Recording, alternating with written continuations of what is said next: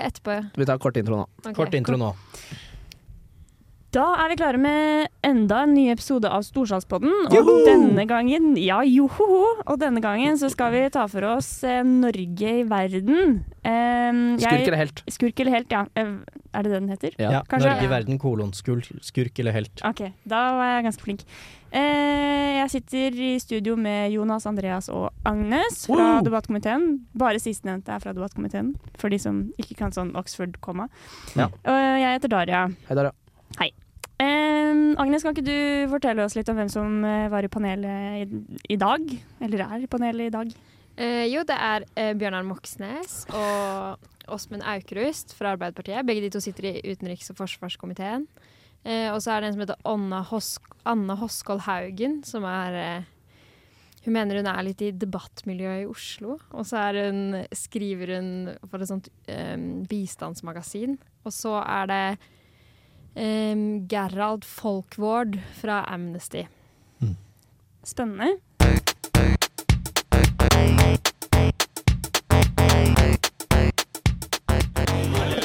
Hei, jeg heter Rawan Ismail, og jeg er ordførerkandidat for Miljøpartiet De Grønne i Oslo. Eh, Hva spiser du? Nå spiser jeg banan. Du hører på Storsalspodden. Jeg gjør det. Nei, vent, du må si det også. Jeg, hva heter den? Storsalspodden. Jeg hører på Storsalspodden. Ja, det er løgn. Kan du også si du hører på Storsalspodden? Du hører på Storsalspodden. Tusen takk.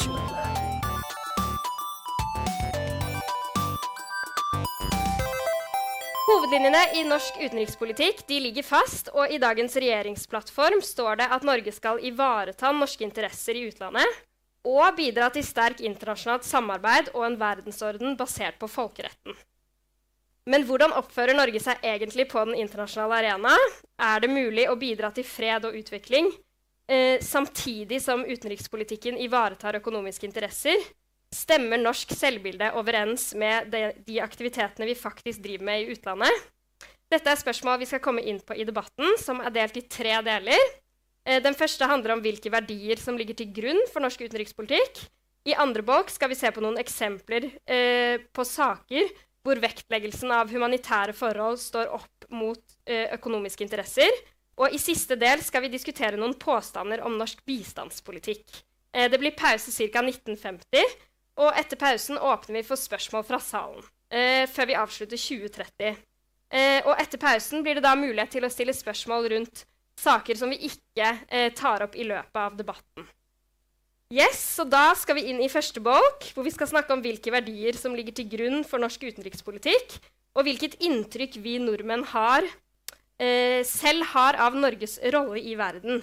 Og Åsmund, du representerer et regjeringsparti, så hvilke verdier er det som ligger til grunn for norsk utenrikspolitikk?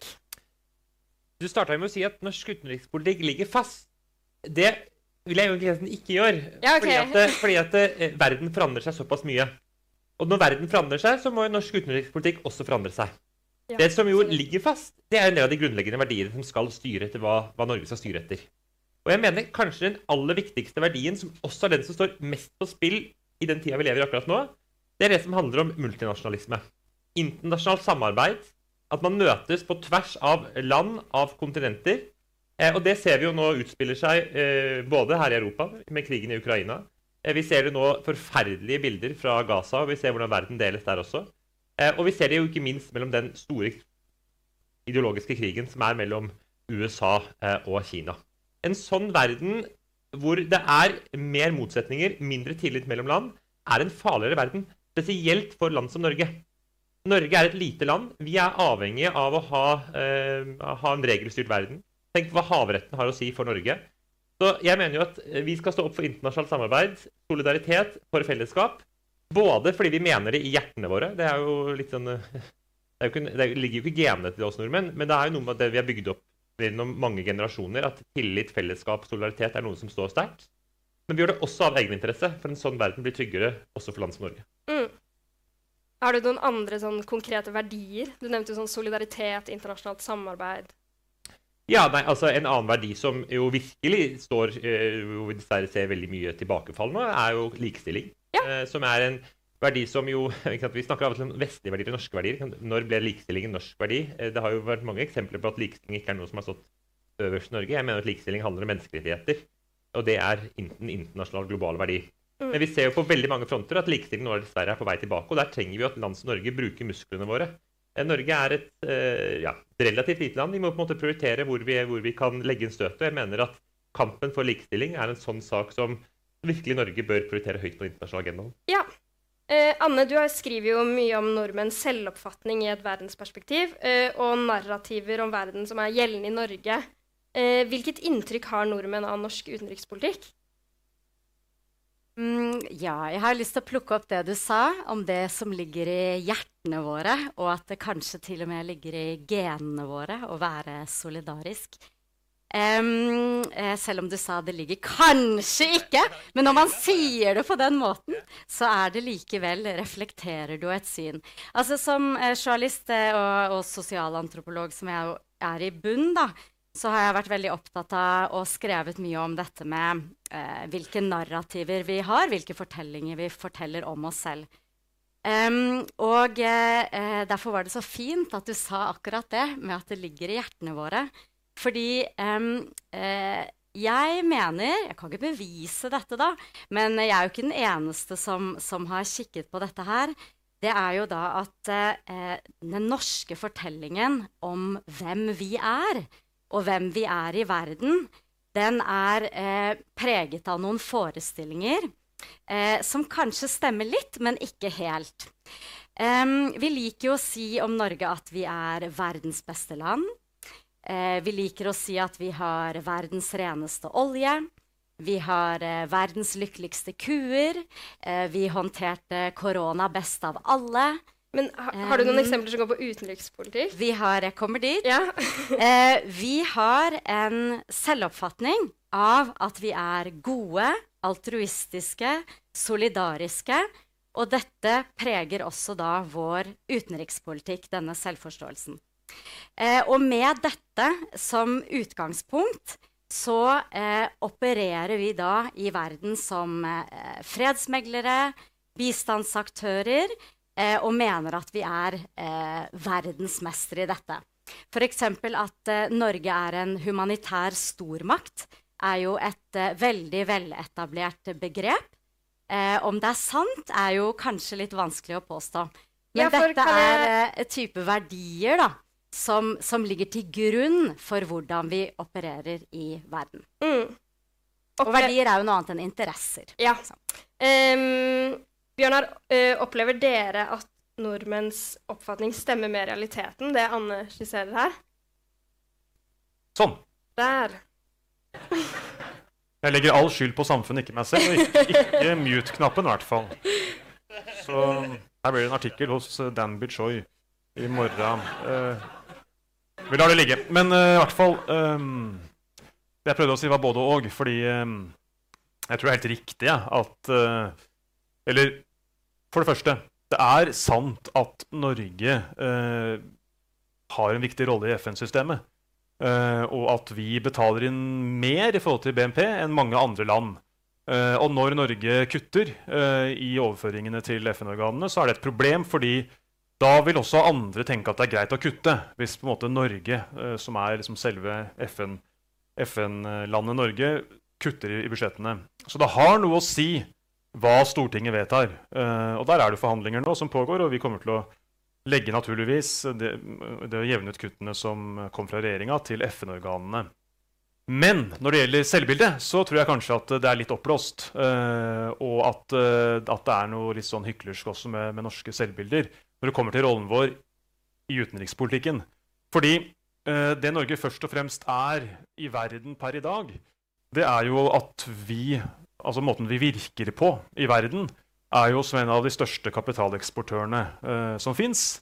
Eh, du har jo Saudi-Arabia eh, med sitt fond, og så har du pensjon, Pensjonsfondet utland, altså oljefondet, som er der oppe eh, på globalt nivå. Så Det er jo gjennom oljefondet at Norge egentlig virker eh, ute i verden. Eh, og der jakter vi først og fremst profitt. Det er realiteten.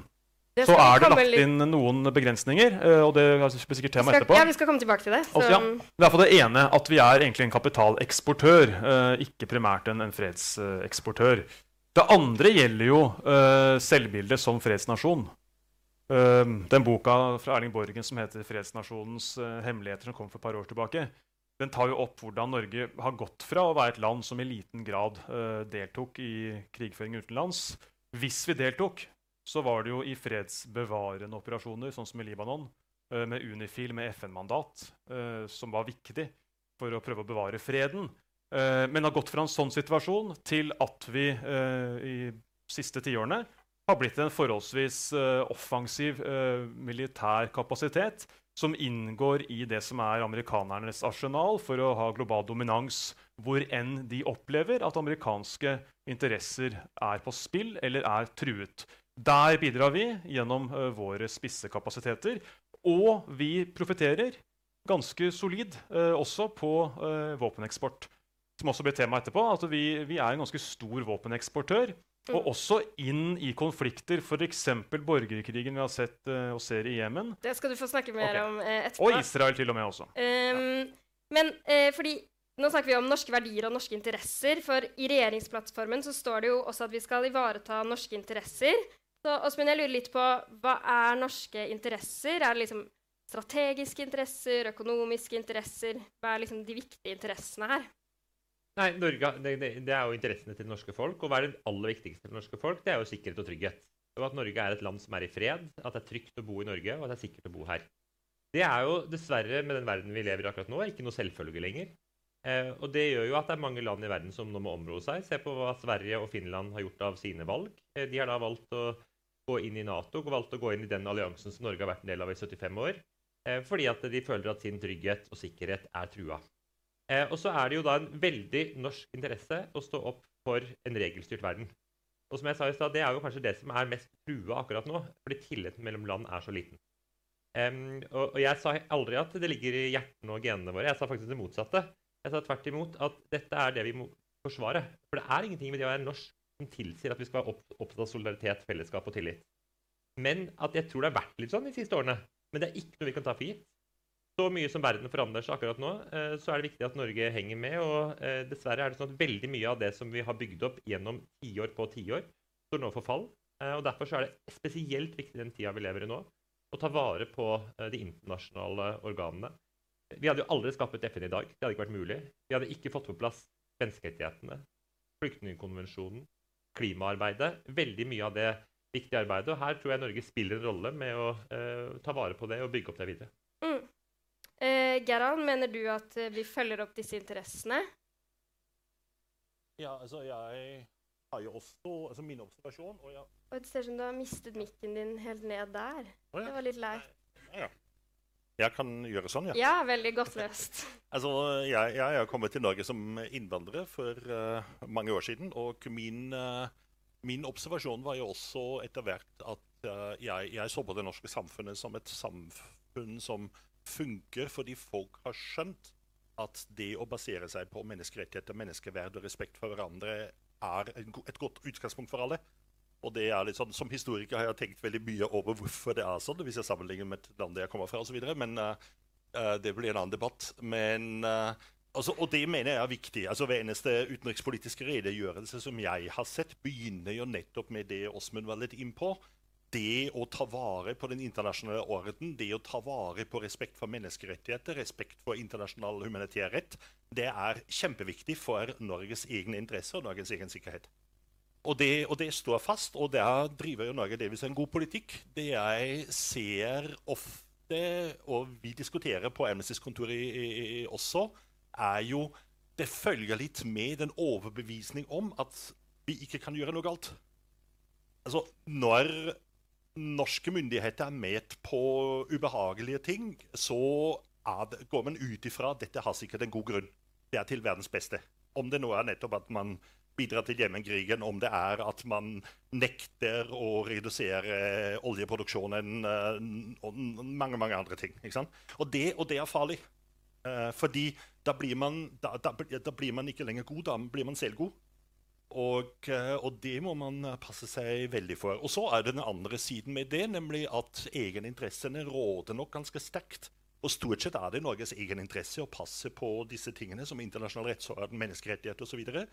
Men når respekt for disse internasjonale verdiene kommer i veien for mer kortsiktige interesser, apropos handelspolitikk overfor Kina, så er man veldig fort villig til å litt sånn, ta litt avstand og si nei, men dere må huske, vi er bare et lite land. Mm. Vi kan egentlig ikke gjøre så fryktelig mye. Uh, som er litt sånn motsatt, motsetning til man ellers sier. Vi er et kjem- en, en gigant, en, en humanitær gigant i verden. ikke sant? Så det er litt sånn en, en, en fortelling som, har litt, som man velger litt hvilken fortelling man bruker. Ja, fordi dette med kortsiktige interesser, da, jeg lurer på litt, Åsmund Um, For dere Det er også en verdi å sikre økonomiske interesser.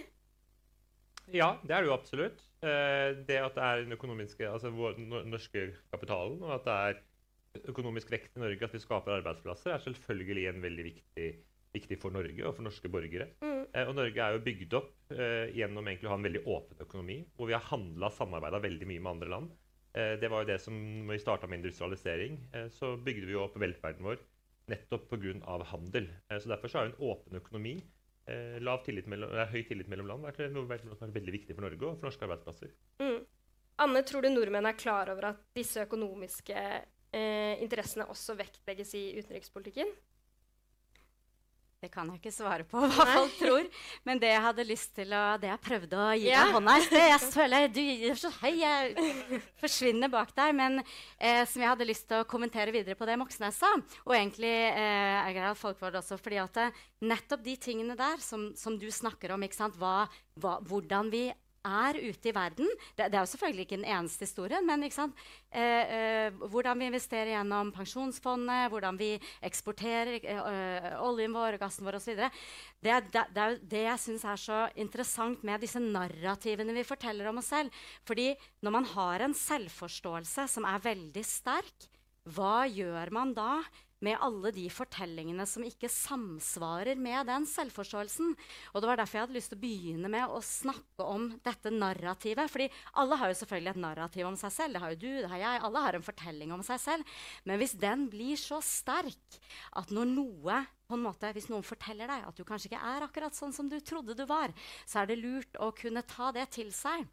Og eh, når man har et veldig sterkt narrativ som er bygget opp ø, over mange år, og jeg kunne også sagt noe mer om hvordan det narrativet har etablert seg, så ha, opplever jeg, og det, sant, hvis du følger mediedekningen, da, at man på en måte ikke klarer å snakke om de tingene som bryter med det narrativet, på en ærlig og oppriktig måte, som gjør at vi faktisk klarer å endre politikken eller holdningene eller det som skal til for å gjøre noe bedre. Mm. Da eh, tror jeg vi skal litt eh, til neste del av programmet. Eh, men før det så skal vi ha et mentimeter, hvor vi skal sjekke om dere i publikum eh, i utgangspunktet mener at Norge er helt eller skurk. Eh, så da skal vi få opp en liten sånn eh, avstemning her. Det er bare å registrere seg. Ja, det er brutalt. Det er et, jeg tror det er et vet ikke-alternativ der òg, men det er jo litt kjedelig å bruke. Det er QR-kode. Ja, jeg, jeg kan også opplyse om at jeg sa feil i stad. Vi er ferdig i 1930 og ikke 2030, for dere som var bekymret for det.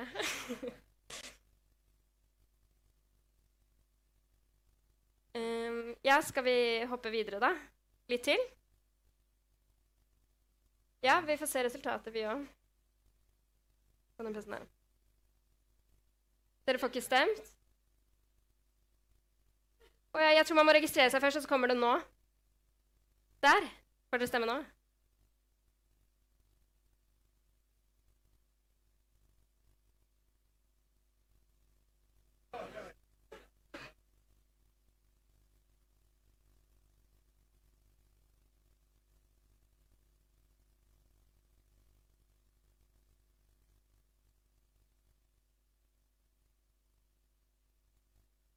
Ehm,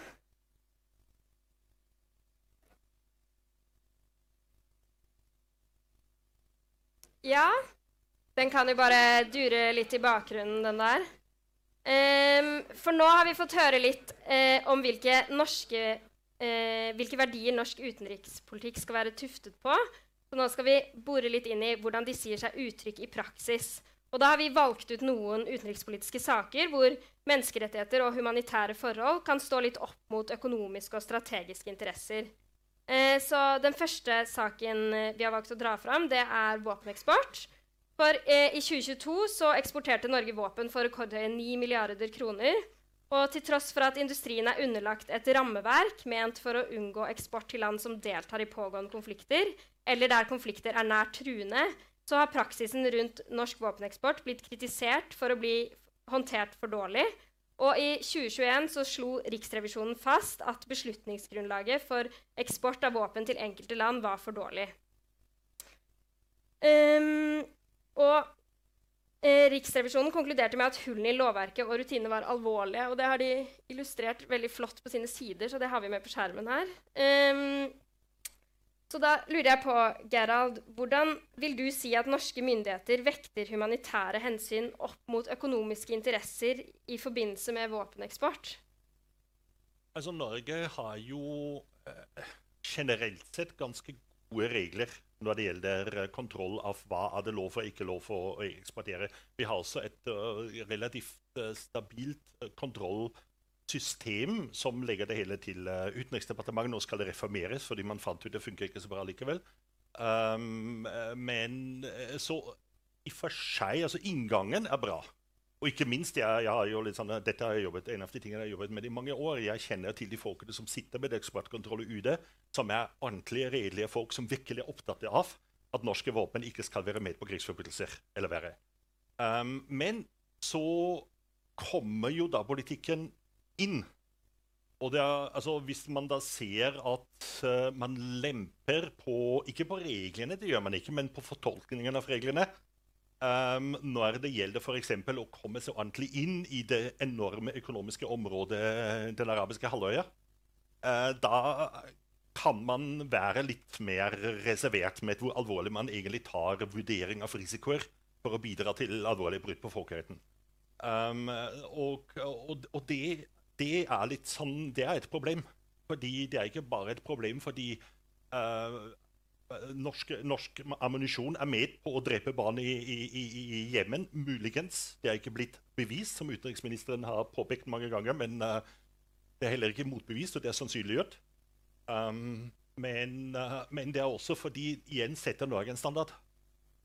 Når Norge sier jo, det er helt greit, kjør på, fordi noe annet er viktigere, så er det et, veldig dårlig utgangspunkt for å få andre land til å, til å handle bedre. Så den er litt uh, og så har vi også, og det, og det er også viktig altså det, Du har på den ene siden eksportkontrollen i Utenriksdepartementet. Veldig veldig gode byråkrater.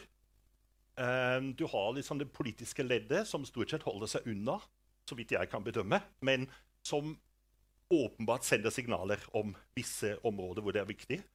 Uh, så har du disse merkelige avtalene med Nato Norge spør jo ikke, eller krever jo ikke bekreftelse fra andre Nato-land man gir våpen til, om at de ikke skal, skal, gi disse våpen til land som Norge ikke hadde eksportert til. Man sier bare jo, det er en sånn gentleman's agreement, vi stoler på hverandre. Um, og så har du da Stortinget, som stort sett bare vinker gjennom alt som kommer fra regjeringen når det gjelder våpeneksport.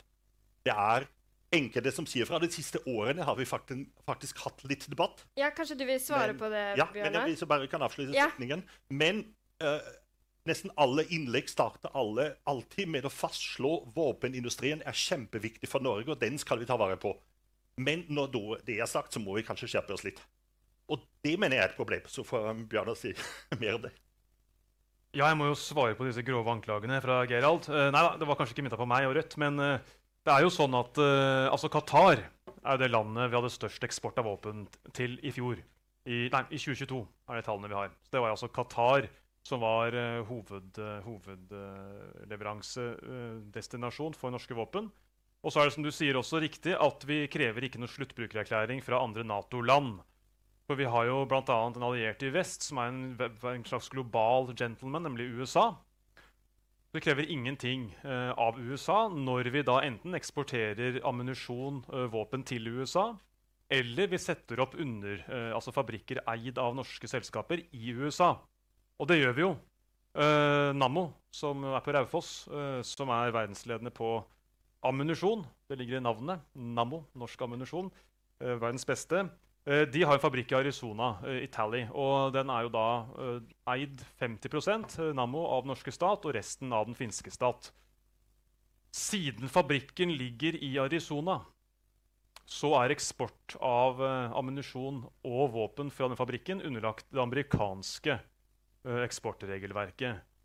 Og det har da Dagbladet avslørt tidligere, at eh, våpen fra Nammo sin fabrikk i USA eh, brukes av det israelske forsvaret i krigføringa mot palestinerne, f.eks. Og jeg forventer altså lite når det kommer til de her spørsmålene av en Frp-Høyre-regjering. Men jeg vil gjerne spørre, siden vi tross alt da har et regjeringsparti eh, i salen, nemlig Arbeiderpartiet, eh, om eh, hvordan dere ser på det at vi ikke krever sluttbrukererklæring fra våre Nato-allierte, og på det at både ammunisjon fra Nammo, men også våpen M72 vet vi dokumentert har havna i den israelske hæren, og kan for alt vi vet nå også brukes uh, i krigen mot uh, det palestinske folk uh, på Gaza og i den vedvarende okkupasjonen av både Vestbredden og blokaden av, av, Gaza. Så vil Arbeiderpartiet Er dere åpne for å ta en ny vurdering av den praksisen og kreve sluttbrukererklæring også fra gentlemen som USA? Nei, altså Alle typer nye vurderinger synes jeg man skal gjøre. Eh, og jeg synes at i den, den, eh, i den tempo verden forandrer seg, så må vi gjøre det. Eh, det er helt riktig at vi har ikke sluttbrukererklæring. Det betyr at hvis jeg selger våpen til et land, eh, så må de erklære at de ikke kan selge det videre uten at de har blitt godkjent i Norge. Det gjør vi ikke med Nato. Eh, og så er det ikke noen bombe at Rødt er motstander av det. Rødt er jo motstander av norsk medlemskap i Nato. Rødt er motstander av at Sverige og Finland skal bli medlem av Nato. Så de har et helt annet syn på sikkerhetspolitikk enn det vi har i sikkerhetspolitikk, og ikke minst i spørsmål om våpen, så er det veldig mange dilemmaer. Det er på en måte ikke mulig å ikke gå inn i mange dilemmaer. Jeg mener at Det verste dilemmaen verste i møte dilemmaer, det er å ikke gjøre noe. I frykt for å gjøre noe galt. For å ta meg rett for et eksempel. da. Norge vi eksporterer våpen til Ukraina. Det tok det fire dager for Stortinget å gå inn for. Mange dilemmaer. For Rødt tok det ett og et halvt år, for de syntes det var et dilemma. Jeg mener at det viktigste, det farligste i møte med dilemmaer er å ikke gjøre noen ting.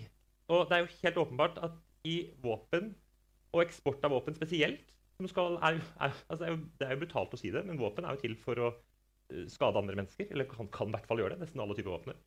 Så er det veldig mange eh, dilemmaer. Men Norge, det er bra at Norge har en sterk forsvarsindustri. Det er bra for forsvaret av Norge. Det er bra for forsvaret av vår del av verden. Og ikke minst etter krigen i Ukraina, som har gjort at veldig mange land ruster opp, så er det veldig viktig at vi også har en egen forsvarsindustri i Norge, som jeg syns vi skal være stolte av, sjøl om det jo innebærer veldig mange dilemmaer. Og det er jo helt riktig som det ble sagt eh, egentlig forrige bolk. da. Det er ikke sånn at Norge ikke har gjort gale, ting. Jeg har gjort ting som er fælt, eller ting som i etterkant viser at det var galt. Og jeg tenker at Det er bare veldig viktig, eh, også for det norske selvbildet. som blir sagt da. At vi har ærlige debatter om ting vi også har gjort galt. For det er jo helt åpenbart. I utenriks- og sikkerhetspolitikken så gjør man jo eh, og Ofte står det mellom å gjøre gale ting på den måten eller gale ting på den måten. og Resultatet kan bli enda verre enn vi så for oss. og Det er viktig at vi er ærlige og åpne om. Du hadde en kommentar til det? Ja. Bare anklager, så det må ja, få svare på. svare på det. Eller Ja. Det? uh, nei, altså Debatten uh, vi hadde om, om, eksport av våpen til land i krig, uh, den er jo vel kjent. Og det var jo egentlig konsensus i norsk, norsk utenrikspolitikk i ja, 50-60 år at vi ikke eksporterer våpen til land i krig. og det var det av gode grunner. Og så var det en diskusjon i Stortinget om dette her. Vi var skeptiske fordi vi var redd for at det kunne gjøre at krigen ville spre seg ut over Ukrainas landegrenser hvis man gikk inn med, med militært materiell inn i den krigen. Uh, når vi så at det ikke viste seg å, å skje, eller øke risikoen for pga. våpeneksporten, så gikk vi inn for å støtte Ukraina også uh, militært. Når det er sagt, da, så var vel det kanskje en liten avledningsmanøver fra Aukrust når det gjelder mitt spørsmål. For det det er klart at det er jo det er jo verre at vi indirekte via USA eksporterer våpen til den israelske krigsmaskinen, enn at vi ikke gjør det. Og dette er noe som potensielt skjer her og nå. Og vi tok det opp med din utenriksminister, da, eller vår, eh, i Stortinget senest i dag. Og prøvde å få et svar på om de i det minste da, regjeringa vil undersøke hvorvidt det er sånn at uh, norskproduserte våpen eller våpenkomponenter har havna i Israel, og få en granskning av det og eventuelt en slutt på det. Jeg tror mange uh, i Norge er interessert i at vi kommer til bunns i det. Og hvis det er sånn, eller siden det er sånn at vi ikke har noen garanti for at ikke norske våpen havner i Israel via USA, ønsker en endring av den eh, praksisen. Og da kan man være tydelig på, eventuelt ærlig på at Arbeiderpartiet enn så lenge blankt avviser å gjøre noe som helst med dette her, men heller gjør som USA ønsker, og godtar fortsatt eksport av norske, norske våpen via USA til Israel, det mener jeg er helt feil. Ja, Mener dere Eh, at USA har gode, tror- gode nok standarder for norsk Jeg tror debatten blir bedre hvis vi lytter til hva hverandre sier. For jeg starta faktisk med å si det motsatte av det du sier nå. Jeg sa at jeg mener at den verden vi lever i nå, i det tempoet verden forandrer seg, så må vi vurdere alle typer endringer. Også innafor det som du tar opp her. Eh, og så er det jo ikke belegg for å si at norsk våpen nå er eh, verken hos Hamas eller hos, eh, hos Israel. Jeg ser det kommer anklager om begge deler. Eh, det er det ikke grunnlag for, og som utenriksministeren sa, det skal det ikke være. Eh, og så er det Av og til kan det være uoversiktlige bilder. Ikke minst akkurat nå er det mye som er uoversiktlig. Men som utenriksministeren sa, sånn skal det ikke være. Og Norge sender ikke våpen til Israel eller til andre land som er i krig, eller som truer med krig. Det har vært en del av det norske regelverket. Norsk våpeneksport er vel kanskje det strengeste regelverket, i hvert fall blant de strengeste i, eh, i, ja, i hvert fall i vår del av verden. Eh, og det skal det være. Og vi må hele tida se etter nye begrensninger på hvordan vå- våpen settes sammen. Det er det ene vi skal gjøre. Det andre vi skal gjøre, det er å jobbe internasjonalt for å få reglene så gode som mulig. Eh, og det er jo det aller viktigste vi gjør. Det er jo å få på plass normer som gjelder for andre land. Og der har jo Norge gått, ofte gått foran. Ikke fordi vi verken er skurk eller helt, for jeg synes at det er ikke det det handler om. Stort sett er man ingen av delene. Men det handler om å prøve å få til forandring. Og på nedrustningsfeltet har Norge på veldig mange områder gått foran. Espen Barth Eide og Jonas Gahr Støre sist de var utenriksministre, fikk på plass forbud mot klasevåpen og landminer. og Det er en sånn type nedrustningstradisjon som vi skal være stolte av i Norge. Mm. Du hadde en kommentar, Gerald? Ja, um, jeg hadde vært fristet å kaste meg inn i diskusjonen om et uh, Nammo-kule som er laget på et fabrikk i USA. Dermed blir en amerikansk kule, men den, den, den har mange aspekter. Um, men det jeg egentlig ville si, var litt sånn i tilknytning til det vi snakket om i stad. Nemlig akkurat våpen, altså våpenindustrien, uh, krigsindustrien, er veldig sterkt i forandring. Og dette er akkurat et område hvor vi også i Amnesty er veldig bekymret for at det vi ser, er at dette blir mer og mer globalisert. Det blir mer og mer samarbeidsprosjekter mellom flere land, hvor et land som Norge bare leverer deler, eller leverer eller sånn en rakett til et fly. Um, og hvis man da ikke er veldig veldig konsekvent, så mister man veldig fort styringen. Samtidig som det kan være lett å bortforklare og si jo, denne dette flyet, dette israelske flyet ok, det skyter og missiler som er drevet av norsk brensel. Men det er jo bare brenselet. det kan vi ikke gjøre noe med. Og den, det går veldig denne veien.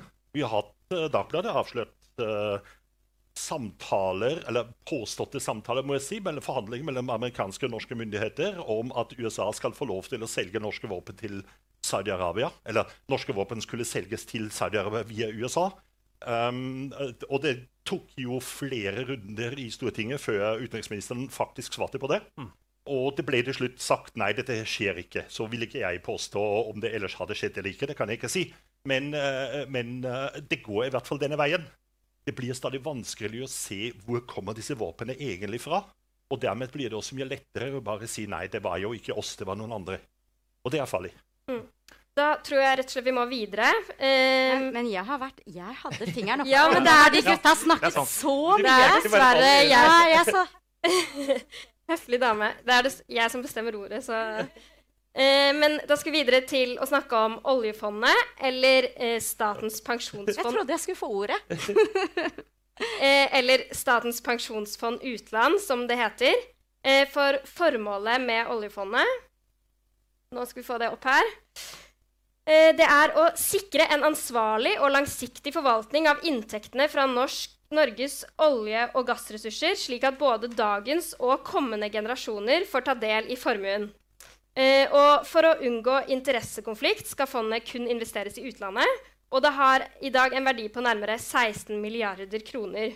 Eh, og som et av verdens største stat... Ja, helt riktig. 16 000 milliarder kroner. Eh, som et av verdens største statlige investeringsfond så besitter jo oljefondet stor makt. Så da lurer jeg på, eh, Gerald, eh, om du kan snakke litt om hvilken makt Norge har gjennom oljefondet? Ja, det kommer jeg veldig an på hvem man spør. Ja. Um, det, oljefondet er jo det tyngste virkemiddel Norge har til rådighet for å påvirke veldig, veldig mange andre situasjoner i verden. Uh, hvis jeg husker det riktig, så eier Norge halvannen prosent av alle verdens selskaper. Noe sånt. Det er det som er størrelsesorden. Um, og ikke bare av det norske oljefondet, i hvert fall en av de største, hvis ikke den største offentlige investeringsfondet i, i, i verden. Uh, og dermed betyr det noe hva de sier eller ikke sier, eller hva de investerer penger eller ikke. Den setter også pga. sin størrelse viktige eksempler for veldig, veldig mange andre investeringsfond. Så det er ikke bare hva man kan si ok, oljefondet eier 1% i et kinesisk kommunikasjonsselskap. Hva betyr det hvis de trekker det ut? Det betyr ikke så mye at den ene prosenten forsvinner, selv om 1 er veldig veldig mye i aksjeverden. Det betyr, men det betyr også at man sendes et veldig tydelig signal dette er en skummel investering til veldig mange andre. Så kommer jeg til å svare på spørsmålet. Um, det som er interessant, er jo Amnesty jobber mye opp mot de som forvalter oljefondet. Um, både etikkomiteen og ledelsen. Um, og vi jobber, og arbeider selvfølgelig veldig mye overfor regjeringen, overfor Stortinget, finanskomiteen osv. for å nettopp få til at oljefondet i hvert fall brukes som et minimum på en måte som sikrer i størst mulig grad at norske penger ikke er med på folkerettsbrudd, altså brudd på menneskerettigheter, brudd på internasjonal humanitærrett. Det må være et minimum.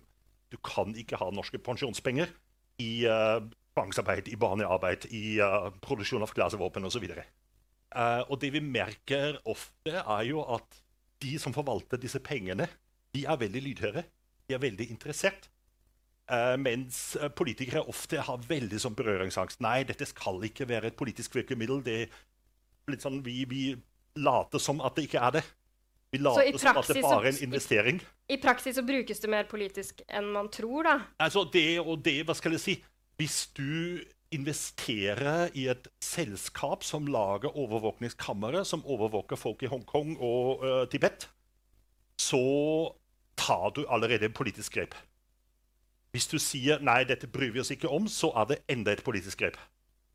Um, uh, så du, du, kan ikke, hvis du har denne makten, så kan du ikke late som at du, du, det du gjør, ikke betyr noe. Mm. Det å ikke gjøre noe har like mye politisk signal og politisk effekt enn det å gjøre noe. Mm. Så var det et dumt eksempel forresten med det overvåkningskammeret, for det trakk oljefondet faktisk ut da de oppdaget det. Ja, jeg skjønner. Men eh, Åsmund, når det ligger så mye makt i oljefondet, eh, hvorfor innebærer ikke da formålet å også fremme noen av de verdiene som du nevnte innledningsvis, at norsk utenrikspolitikk bygger på? Altså, eh, Vi har jo nå endra oljefondets regler, sånn at du skal ha et mer aktivt eierskap. At Norge skal møte opp på generalforsamlinger eh, og tale i og for seg rett, mye av det jeg tok opp som norske verdier. Altså miljø, eh, arbeidsrettigheter, eh, likestilling, en del andre temaer som er viktige. Det er jo stort sett, eller ikke stort sett, Norge er alltid en liten eier, men allikevel eh, en eier som legges merke til. For vi er den største jeg tror vi faktisk er det største statlige fondet, eh, største statlige fondet i verden. Men, det ble jo sagt her i stad at det var på en måte et eksempel på norsk, på måte, negative siden Norge. Jeg vil jo si det motsatte. Jeg vil si at det er få ting som er en mer fantastisk historie enn norsk oljefondet. Tenk, vi fant en naturressurs eh, som vi brukte for å skape arbeidsplasser for folk. Alle inntektene gikk til fellesskapet. Og så skal vi ha det ut i evigheten. Det finnes jo veldig mange land som har mye mer naturressurser enn Norge, men som bruker det på helt andre områder. eller helt andre måter. Hvor det kommer noen til nytte. I Norge gjør vi det motsatt. Det sier at det skal komme fellesskapet til nytte gjennom å skape arbeidsplasser og ha investeringer for framtida. Mm. Eh, og så har vi da eh, satt noen ganske strengt, eh, strengt, etisk, eh, strengt etiske regler, hvor vi aldri skal investere i våpen, vi skal ikke investere i barnearbeid, ikke i tobakk, ikke i kull. En del av de områdene vi mener at skader mest. Og så tror jeg at den lista kommer til å utvide seg. Fordi at, eh, ja, fordi at det tror jeg det kommer til å bli et krav om, og at jeg tror at det kommer politikerne til å være enig i. Mm. Det har jo vært politiske slag egentlig om alle disse spørsmålene. Eh, jeg var blant de som var veldig opptatt av at vi måtte ta oljefondet ut av alle kullselskaper. Eh, og det tok noen år, men vi fikk det til. Og det betyr jo veldig mye i, stor forandring. Ja. Har du noen eksempler, Anne, på gale investeringer oljefondet kan få, eller hvor det kan ha negative konsekvenser?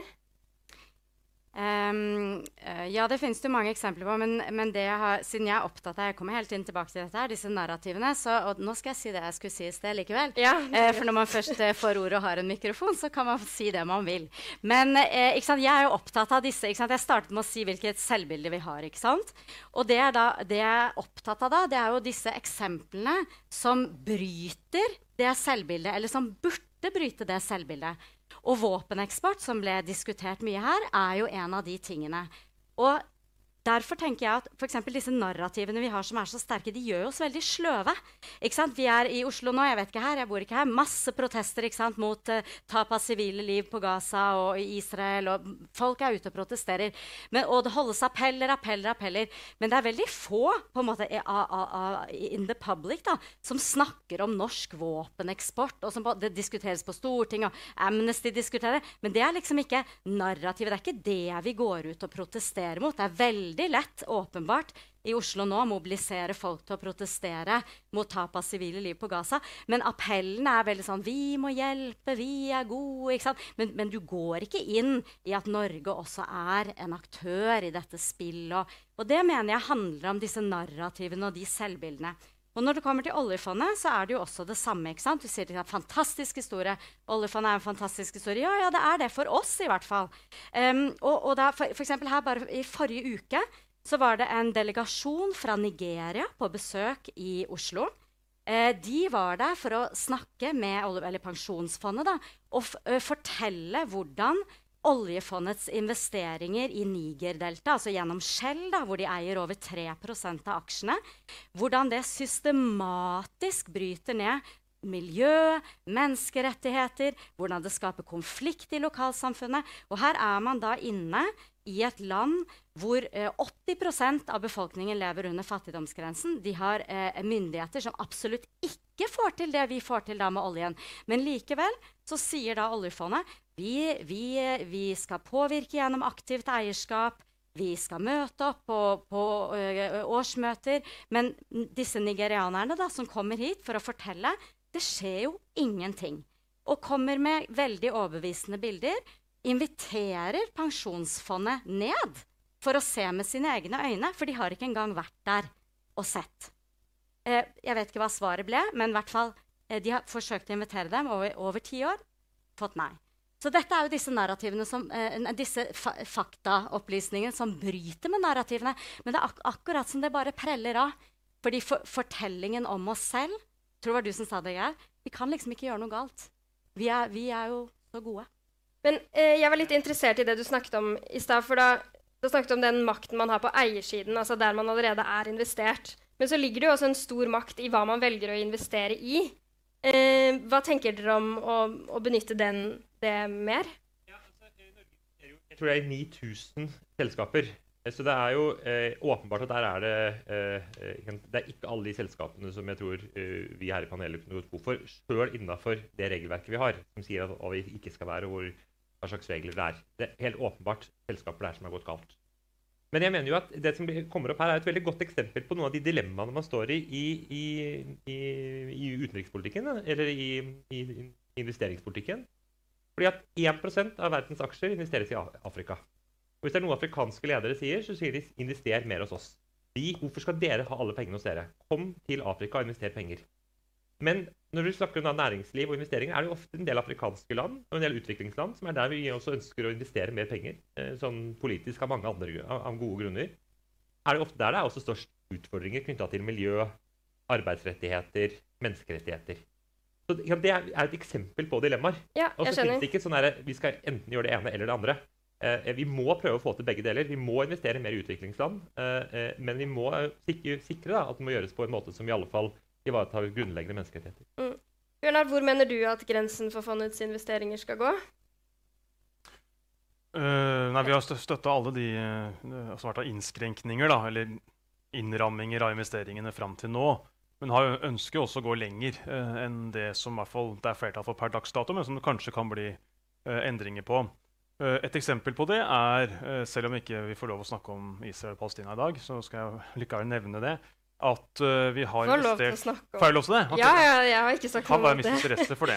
Uh, hovedsaken i verden akkurat nå, også på samfunnet. Nei, altså 14 milliarder kroner investert i selskaper som, som, er del av altså bosettingsaktiviteten på Vestbredden. Som ifølge FN er folkerettsstridig. Altså det er på en måte en slags settleraktivitet hvor du altså etablerer ulovlige Du, du raner land, kort og godt fra palestinerne, etablerer bosetninger, fordriver folk. Det er gjennom tortur, voldtekt, eh, direkte drap. Altså det har skjedd en massiv økning i bosettingsaktiviteten siden Oslo-avtalen. Dette er oljefondet investert i med 14 milliarder kroner. Det burde vi åpenbart trekke oss ut av eh, sånn type i, i går helst, da, men i hvert fall, hvert fall eh, nå. Og jeg håper jo og tror kanskje at det er rom på Stortinget nå for å, å revurdere uh, den typen investeringer. Uh, det er noe litt sånn kanskje umoralsk da, i at uh, pensjonen deres eh, Dere er jo unge. eh, skal betales bl.a. med profitt fra ulovlige bosettinger på Vestbredden i Palestina. Som ett eksempel. Kommet masse også avsløringer av hvordan oljefondet har investert i selskaper som, eh, som driver egentlig med ganske sånn miljøskadelig aktivitet. F.eks. soyaproduksjon i, uh, i avskogde områder fra regnskogen uh, i Brasil bl.a. Det som burde vært en radikal tanke da, utafor liksom, boksen, uh, ville jo vært å tenke at OK, oljefondet det har vi tjent opp gjennom å eksportere enorme mengder energi med en liten bakdel masse forurensning. Vi har tjent oss søkka rike på å eksportere egentlig CO2-utslipp til andre land. Det er realiteten. Sånn er det bare. OK, vi har gjort det. Vi har vært stor, stor altså vært, vært viktig for å øke global oppvarming i, i verden de siste 30-40 åra. Kan vi da bruke avkastningen eller på en måte gevinsten fra den eksporten på noe progressivt og noe radikalt og, og noe ordentlig for fattige land? For eksempelet med, med Niger og Nigeria. Kan vi investere på solidariske vilkår i fattige land? Stille lavere krav til avkastning, stille krav som vi sjøl stilte da vi fant olja og gassen i Nordsjøen, nemlig lokalt og nasjonalt eierskap. Bygge lokal, nasjonal industri. Ikke bare få inn amerikanske selskaper og hente ut profitt, men få altså, etablert lokal og nasjonal industri. Den typen tiltak ville vært å anvende vår enorme profitt fra olje- og gassutvinning på en solidarisk måte. Og det krever et ganske mye større brudd da, med dagens politikk enn det som det er rom for i hvert fall per nå. Ja. Det var en som enig. eh, da skal vi inn i siste bolk av eh, programmet, eh, som handler om bistand. Fordi i Norge så ga eh, vi hele 58,5 milliarder kroner i bistand i 2023. eh, og vi har nådd målet om 1% av anslaget for bruttonasjonalinntekt. Da gjør dette oss til helt. Eh, og først skal vi snakke litt kort med deg, Anne, men vi har litt dårlig tid. Eh, fordi du har skrevet en del om norsk bistand, og etter det skal dere to politikerne få spare på noen påstander om norsk utviklingspolitikk. Så da kjørte vi litt raskt videre her. Men Anne, kan ikke du gi oss en overordnet beskrivelse av norsk bistand? Sånn veldig raskt, da. Hva er formålet, og hva prioriteres? OK. Ja. Em, nei, men altså eh, eh, Hvis du gir meg liksom et par minutter, da, så, så går det jo an å. Ett og et halvt. Ja. Eh, nei, men altså, man må jo bare eh, Jeg vet jo ikke hvem dere er, dere som sitter i salen. Men hva, hva var spørsmålet ditt igjen? Nei, altså, hva er, for, Oversikt hva, over eller hva er formålet? Eh, hva Formålet? prioriteres i norsk bistand? Hva prioriteres i norsk bistand i dag? Ja, men jeg tenker egentlig ta heller et skritt tilbake. Hva, hva, er måte, hva er det vi driver med? Ikke sant? Fordi eh, Bistanden har gått gjennom mange faser. Eh, startet opp i, i 1952 eh, med eh, Kerala-prosjektet i India. Da hadde man veldig tro på teknologisk overføring, og at man skulle hjelpe fattige land med overføring av teknologi. Eh, så kommer 70-tallet. Eh, 75, oljekrise, kollaps i veldig mange utviklingsland. Eh, plutselig begynner man å skjønne at vent litt, grann, kanskje det ikke bare holder med å overføre det vi kan av teknologi. Eh, Kanskje vi skal ta tak i bakenforliggende årsaker, og hva er det? Og så begynner man med demokratiopplæring, med godt styresett, og går liksom i likestilling og liksom dette radikale tiåret 70-tallet.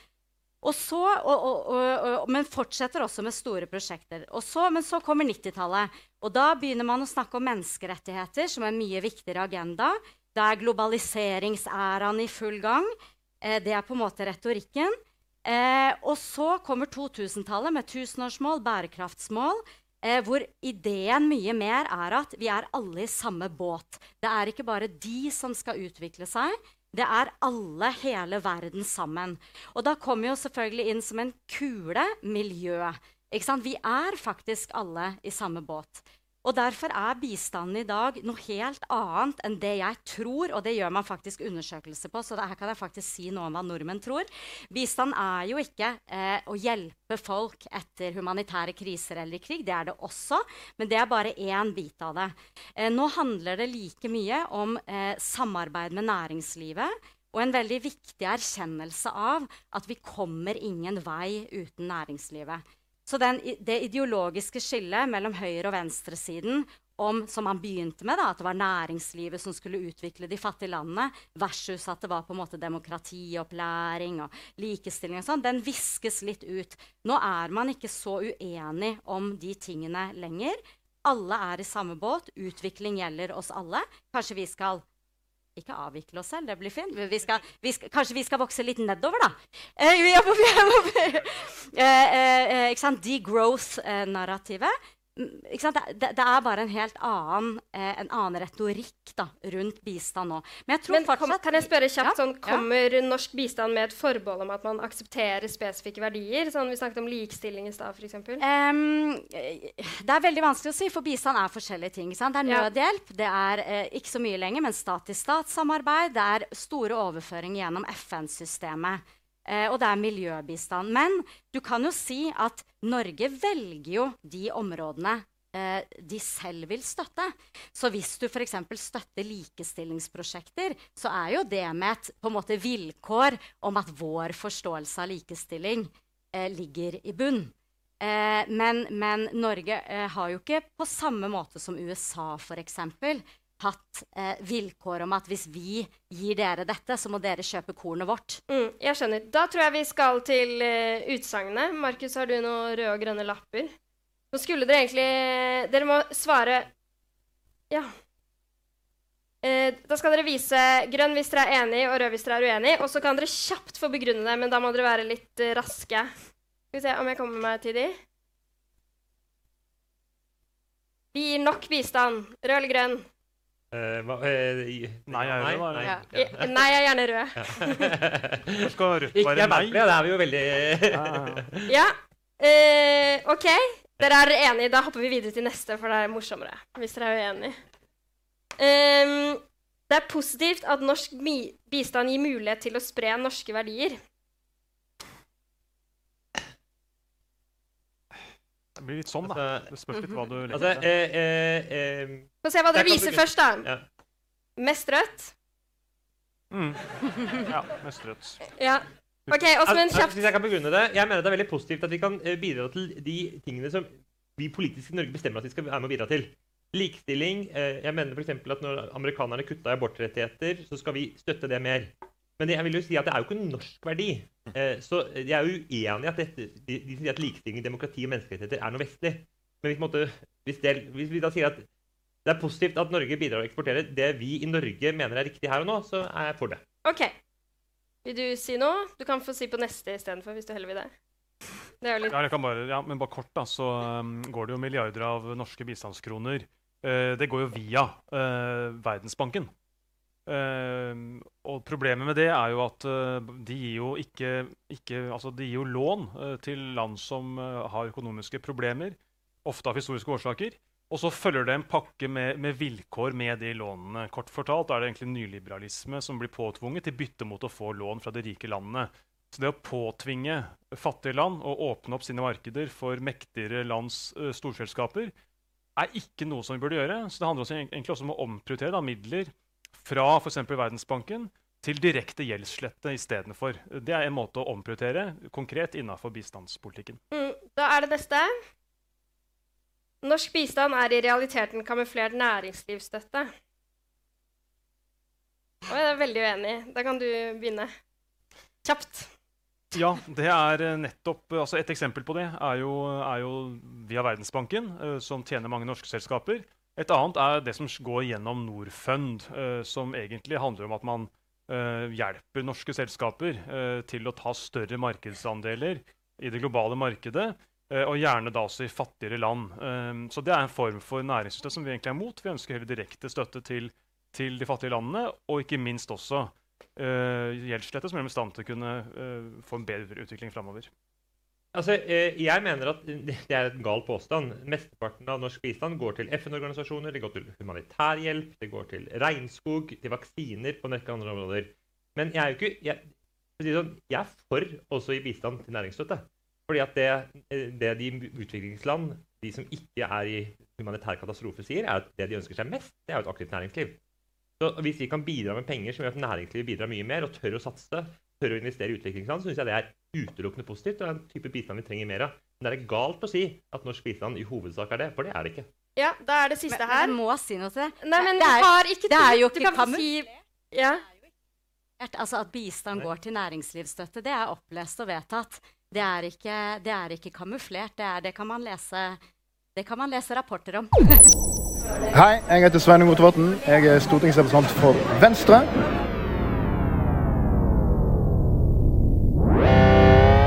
Jeg syns vi skal komme oss til Mars så fort som mulig, og alle bør skrive nynorsk som hovedmål. Da er vi tilbake i studio og har nettopp hørt en eh, debatt. Agnes, syns du det gikk eh, greit, eller var det, var, det, var det skummelt å være ordstyrer? Uh, ja, jeg syns jo det var ganske skummelt. De er jo, de er jo veldig prateføre, spesielt de mennene, da. Ja, ja. Så det er uh, slet Typisk en del menn. Typisk menn. Så jeg Ja, slet en del typisk med å typisk stortingspolitikere òg, eller? Ja. Mm. Ja. Krysningen mellom mann og stortingspolitiker. Oh, Ja, det er lenge. Grusomt grusomt vennediagram. Grusomt. Er det litt gøy å avbryte dem når det er eh, såpass prateføre Ja, når man får det til, er det jo stas, da, men jeg fikk det ikke til så mye. Mm. Ikke sant. Så de eh, Ja, de kan være litt overkjørende. Hva, hva er på en måte holdningen sånn generelt? Er Norge en helt eller en skurk i verden? Jeg leste et eller annet sted at vi er det landet som produserer tolvte mest olje i verden, f.eks. Som er bra for energien, men dårlig for miljøet. skurkete?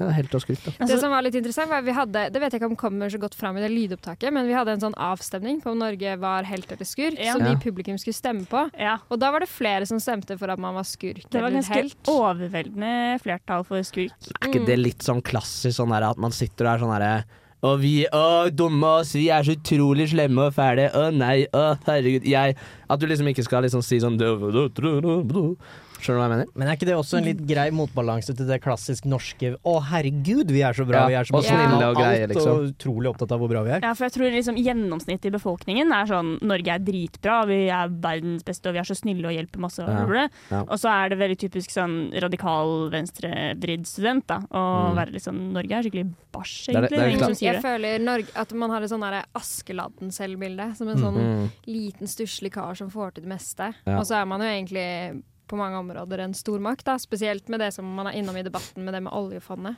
Og Mm. makten som ligger i det, som er jo helt unikt egentlig for Norge. Så du tenker at sannheten er et sted i midten? Det er helt riktig. Å nei! Jeg hater de gangene vi ender opp med at sannheten er et sted i midten. Det er de verste gangene. Eller så kanskje det ikke er noen sannhet. Vet du hva jeg annet jeg har lest en gang? Har du Eh, ja, en gang. at um, på, i løpet av en femårsperiode så var Norge det landet i verden som ga mest til um, regnskogfondet i Amazonas. Samtidig så var det en nordmann som var ansvarlig for mest uh, hogst i regnskogen Ja. i Amazonas. Han som var sammen med hun prinsesse Astrid, hun uh, søsteren til uh, kong Harald. Hvis uh, folk er en stund uh, ja, siden dette. hun, ja. Ja, ja, du henger med. Jeg er Ja. med. Uh, og det syns jeg er sånn eh, Det er jo Norge som stat en helt, og så kan man ikke noe for at liksom en sånn fyr er megaloman og bygger seg et imperium på, um, på mahogni fra Amazonas, liksom. Er dere med? Jeg er med. Men eh, noe jeg også syns er litt interessant da, i forhold til Norge, er jo det med økonomisk makt. da, og Mm. Hvordan man liksom tar inn det i bildet av hva slags makt en nasjon har, eller liksom hvilke muligheter man har til å gjøre, gjøre en forskjell. da. Mm. Ja, og bare det der, den politiske makten man har i at liksom eh, en et, Ja, for eksempel at vi produserer tolvte mest eh, olje i verden, og så sier Kongo sånn Hvorfor skal ikke vi begynne å produsere masse olje? Norge gjør det jo. Og så sier Norge sånn Ja, vi skal, vi skal produsere olje lengst av alle, vi, fordi vi lager det best. Ja. Og så sier Kongo sånn Ja, men vi har ikke, vi har ikke asfalterte veier engang. Så kan ikke vi få lov til å lage litt olje sånn at vi får asfalt på veiene våre? Og så sier Norge sånn Nei, nei, nei, hei, hei, hei. Skjønner dere greia? Ja. Det er vanskelige saker. Jeg tror i hvert fall poenget er at uh, Norge gjør jo bra ting, men de er jo ofte sammenfallende med at vi har interesse av, at, uh, av de tingene vi gjør som er bra også, på en måte. Det er liksom ikke sånn at Ja, vi Hva skal jeg si? Vi er jo interessert i en stabil verden, som de sier, og derfor jobber vi med fred. Og så er vi interessert i å ha penger, og derfor uh, jobber med olje, men liksom Ja. Ja, Andreas, du, du, du sjekka mobilen din nettopp. Hva, har, du noe, har du noe innspill holdt jeg på å si, fra mobiltelefonen? Jeg har en ting jeg har lyst til å snakke om. Ehm, som, som må snakkes om. Mm. Okay. For det var nemlig en elefant eh, som deltok på denne debatten. Er, det- er det en rød elefant? En rød, knall rød elefant som er veldig oppe i media i disse tider. Du sa før vi begynte å ta opp kanskje Bjørnar Moxnes sin siste debatt noensinne. Mm. Altså innspillingsøyeblikket så er det, er det jo eh, To, norsk- dag, to, dager siden at han ble tatt for å stjele fem gulost og en salmalaks. Ja. Over fem, Salmalaks? og over fem forskjellige ran. Og det var dumt at han stjal salmalaks. Det er ikke så sympatisk. Hadde han stjålet brød og sånn, så hadde det Ja. vært mer sånn rødt eh, Hæ? Nei, motsatt. Du vil jo stjele laks for å stjele fra disse laksebaronene. Brød er jo Ja, på en er måte sånn ja, men det er litt sånn derre Hvis du skal først stjele til dine fattige barn på en måte på loftet, så stjeler du ikke salmalaks og kaviar, liksom. Da De stjeler trenger du brød jo og melk. D-vitamin og omega-3-syrer. Da stjeler du ikke en jumbopakke med frossen laks, liksom. Mye mer enklere å stjele. Jeg syns også det er litt utaktisk stjeling, da, fordi det hender jo at, at venner av meg da, f.eks. stjeler ting på sånn beeping på butikken. Venner av meg Ja, også. venner av Og meg da, ja. Venner av meg i, som i meg også. og da pleier Og da er det jo ikke lurt å ta det dyreste. Da vil man jo gjerne Mm. ta noe som er litt i mellomsjiktet. Sånn at hvis man blir tatt, så kan man være litt sånn Oi, men jeg stjeler jo ikke smørost hvis jeg har, også har en salmalaks i kurven. Word. Så det er, eh, jeg syns det er noe som skurrer der rent kognitivt også, da. Mm. Jeg tror Han driver jo og sier at han, at han sliter, på en måte. Kan jeg bare Ja. si et lite poeng på det du sa nå, Agnes? Butikktyver på sånn bipe butikktyveri, for dem så er det sluttsummen på kassalappen som teller. Ja, det er sant. De tok, de tok Rema 1000 for De alvor. tok Rema 1000 det er derfor du må stjele fra Rema og ikke fra Kiwi, for de gir seg aldri på pris. Hva var det du skulle si? Jeg har en teori om, om at Bjørnar Moxnes, eh, dette greiene her eh, For jeg tror han gjør dette som en slags eh, innfløkt-strategi for å komme tilbake. Jeg også! For jeg tror Jeg ikke også har han, tenkt på det. Jeg tror ikke han slapp Oi! unna med det Ja. Hugo Boss brilletyveriet. Usmakelige ting å stjele, Ja, det er litt harry å stjele på flyplassen. Jeg, han later som han er kleptofor. jeg for tror, jeg tror det han gjør nå, det. er at nå, Det er så patetisk å, å stjele fra matbutikken mange, mange mange ganger Ja. at jeg skal prøve å spinne narrativet nå, som han kanskje prøvde på litt, men ikke helt klarte i sommer. Mm. Og så ble det liggende bare som en sånn nei, nei, han er en tjuvrad eh, tulling, liksom. Men nå skal han få så overbevist den norske befolkning om at han har et psykisk problem, og det er synd på han. Ah. Og at han må få lov til å fortsette å være politiker. Jeg er for han så Han skal på jævlig enig. Limo og gråte. Ja, Jeg det er så tror jeg han skal. jævlig enig. Så jeg tror dette her er uh, utspekulert, og jeg hyller det. For vi snakket jo høyt, Andreas, om hvorfor har han ikke brukt snakket vi. Ja, men med hverandre, da. Eh, om hvorfor har han ikke brukt 'jeg er syk'-argumentet Mm. da han stjal de solbrillene. Men så var, kom den videoen hvor det i praksis egentlig ser ut som han skal tøffe seg for hun dama si. Ja. Og liksom sånn, hun Som bare også ser på er en tjyvrad. Ja, ja, ja. Ja, Men liksom, de der har sånn at de skal ha en sånn De skal ha noe kinky sex oppå noe gulost etterpå, liksom. Ja. men, Gud meg! men nå, når jeg leste at det var liksom oktober og november, at han hadde drevet og naska én gulost om gangen, da var jeg helt Altså, da slo den tanken meg også. Ja. Men eh, Agnes eh, så du noen tegn til at han prøvde å stjele fra samfunnet? Nei. Det hadde vært veldig han- gøy hvis han ble tatt for tyveri på samfunnet. Men han var inne på do og, og skiftet til dress. Og da stjal han masse dopapir. Det er, derfor, det er derfor det ikke er noe doseter igjen på Samfunnet. Ja, så, så der hadde jeg rett og slett ikke helt oversikt. da. Mm. Så det kan da Et lite sånn kakefat fra Edgar eller noe sånt. Kan Ja, eller en dobørste, eller um, Mm. såpedispenser. Men Han, han, har en, han har en camelback på magen som han har helt masse øl oppi fra et tappetårn. Og så måtte han liksom ta det av seg, og da måtte han kle Ja, jeg Ja, har det kan teorier. være. Jeg tror, ja, vi begynner å nærme oss slutten, men jeg må bare si en ting. Som er at jeg har en, en venn som eh, fortalte meg at eh, han hadde bedt henne om å kjøpe øl til han. Eh, Og vært sånn ja, jeg skal vippse deg. Og så vippset han henne aldri. Så hun Klepto. har eh, Altså Bjørnar Moxnes, liksom. Eh, altså, Men han har, har et problem! Han faker et problem. Det er synd på han, han kan ikke noe for det, han klarer ikke å vippse tilbake. Han har Jeg, jeg skulle ønske så jævlig at vi var en høyre, eh, høyre eh, podkast og bare kunne sitte og juble over at eh, kommunismen og sosialismens fyrtårn de siste 15 årene i Norge har gått på ræva, liksom.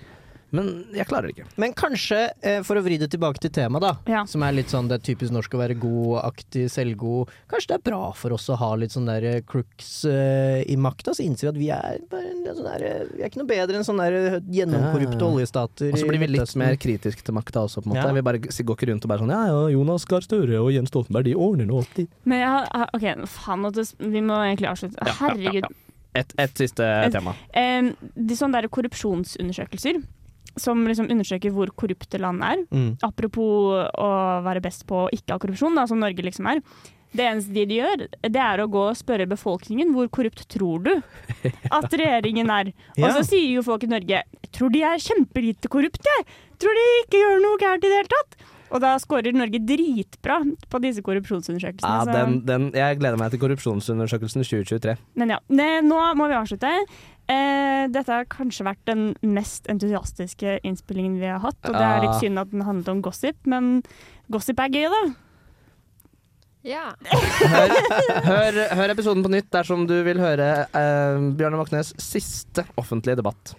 Mm. Takk for nå, Agnes. Ja, takk for dere. Og Takk for oss. eh, du har hørt på Storsalspodden. Onsdagsdebattene de lages av Samfunnets debattkomité. Lytt igjen. Du har lyttet til en podkast på Radio Revolt, studentradioen i Trondheim. Sjekk ut flere programmer på radiorevolt.no.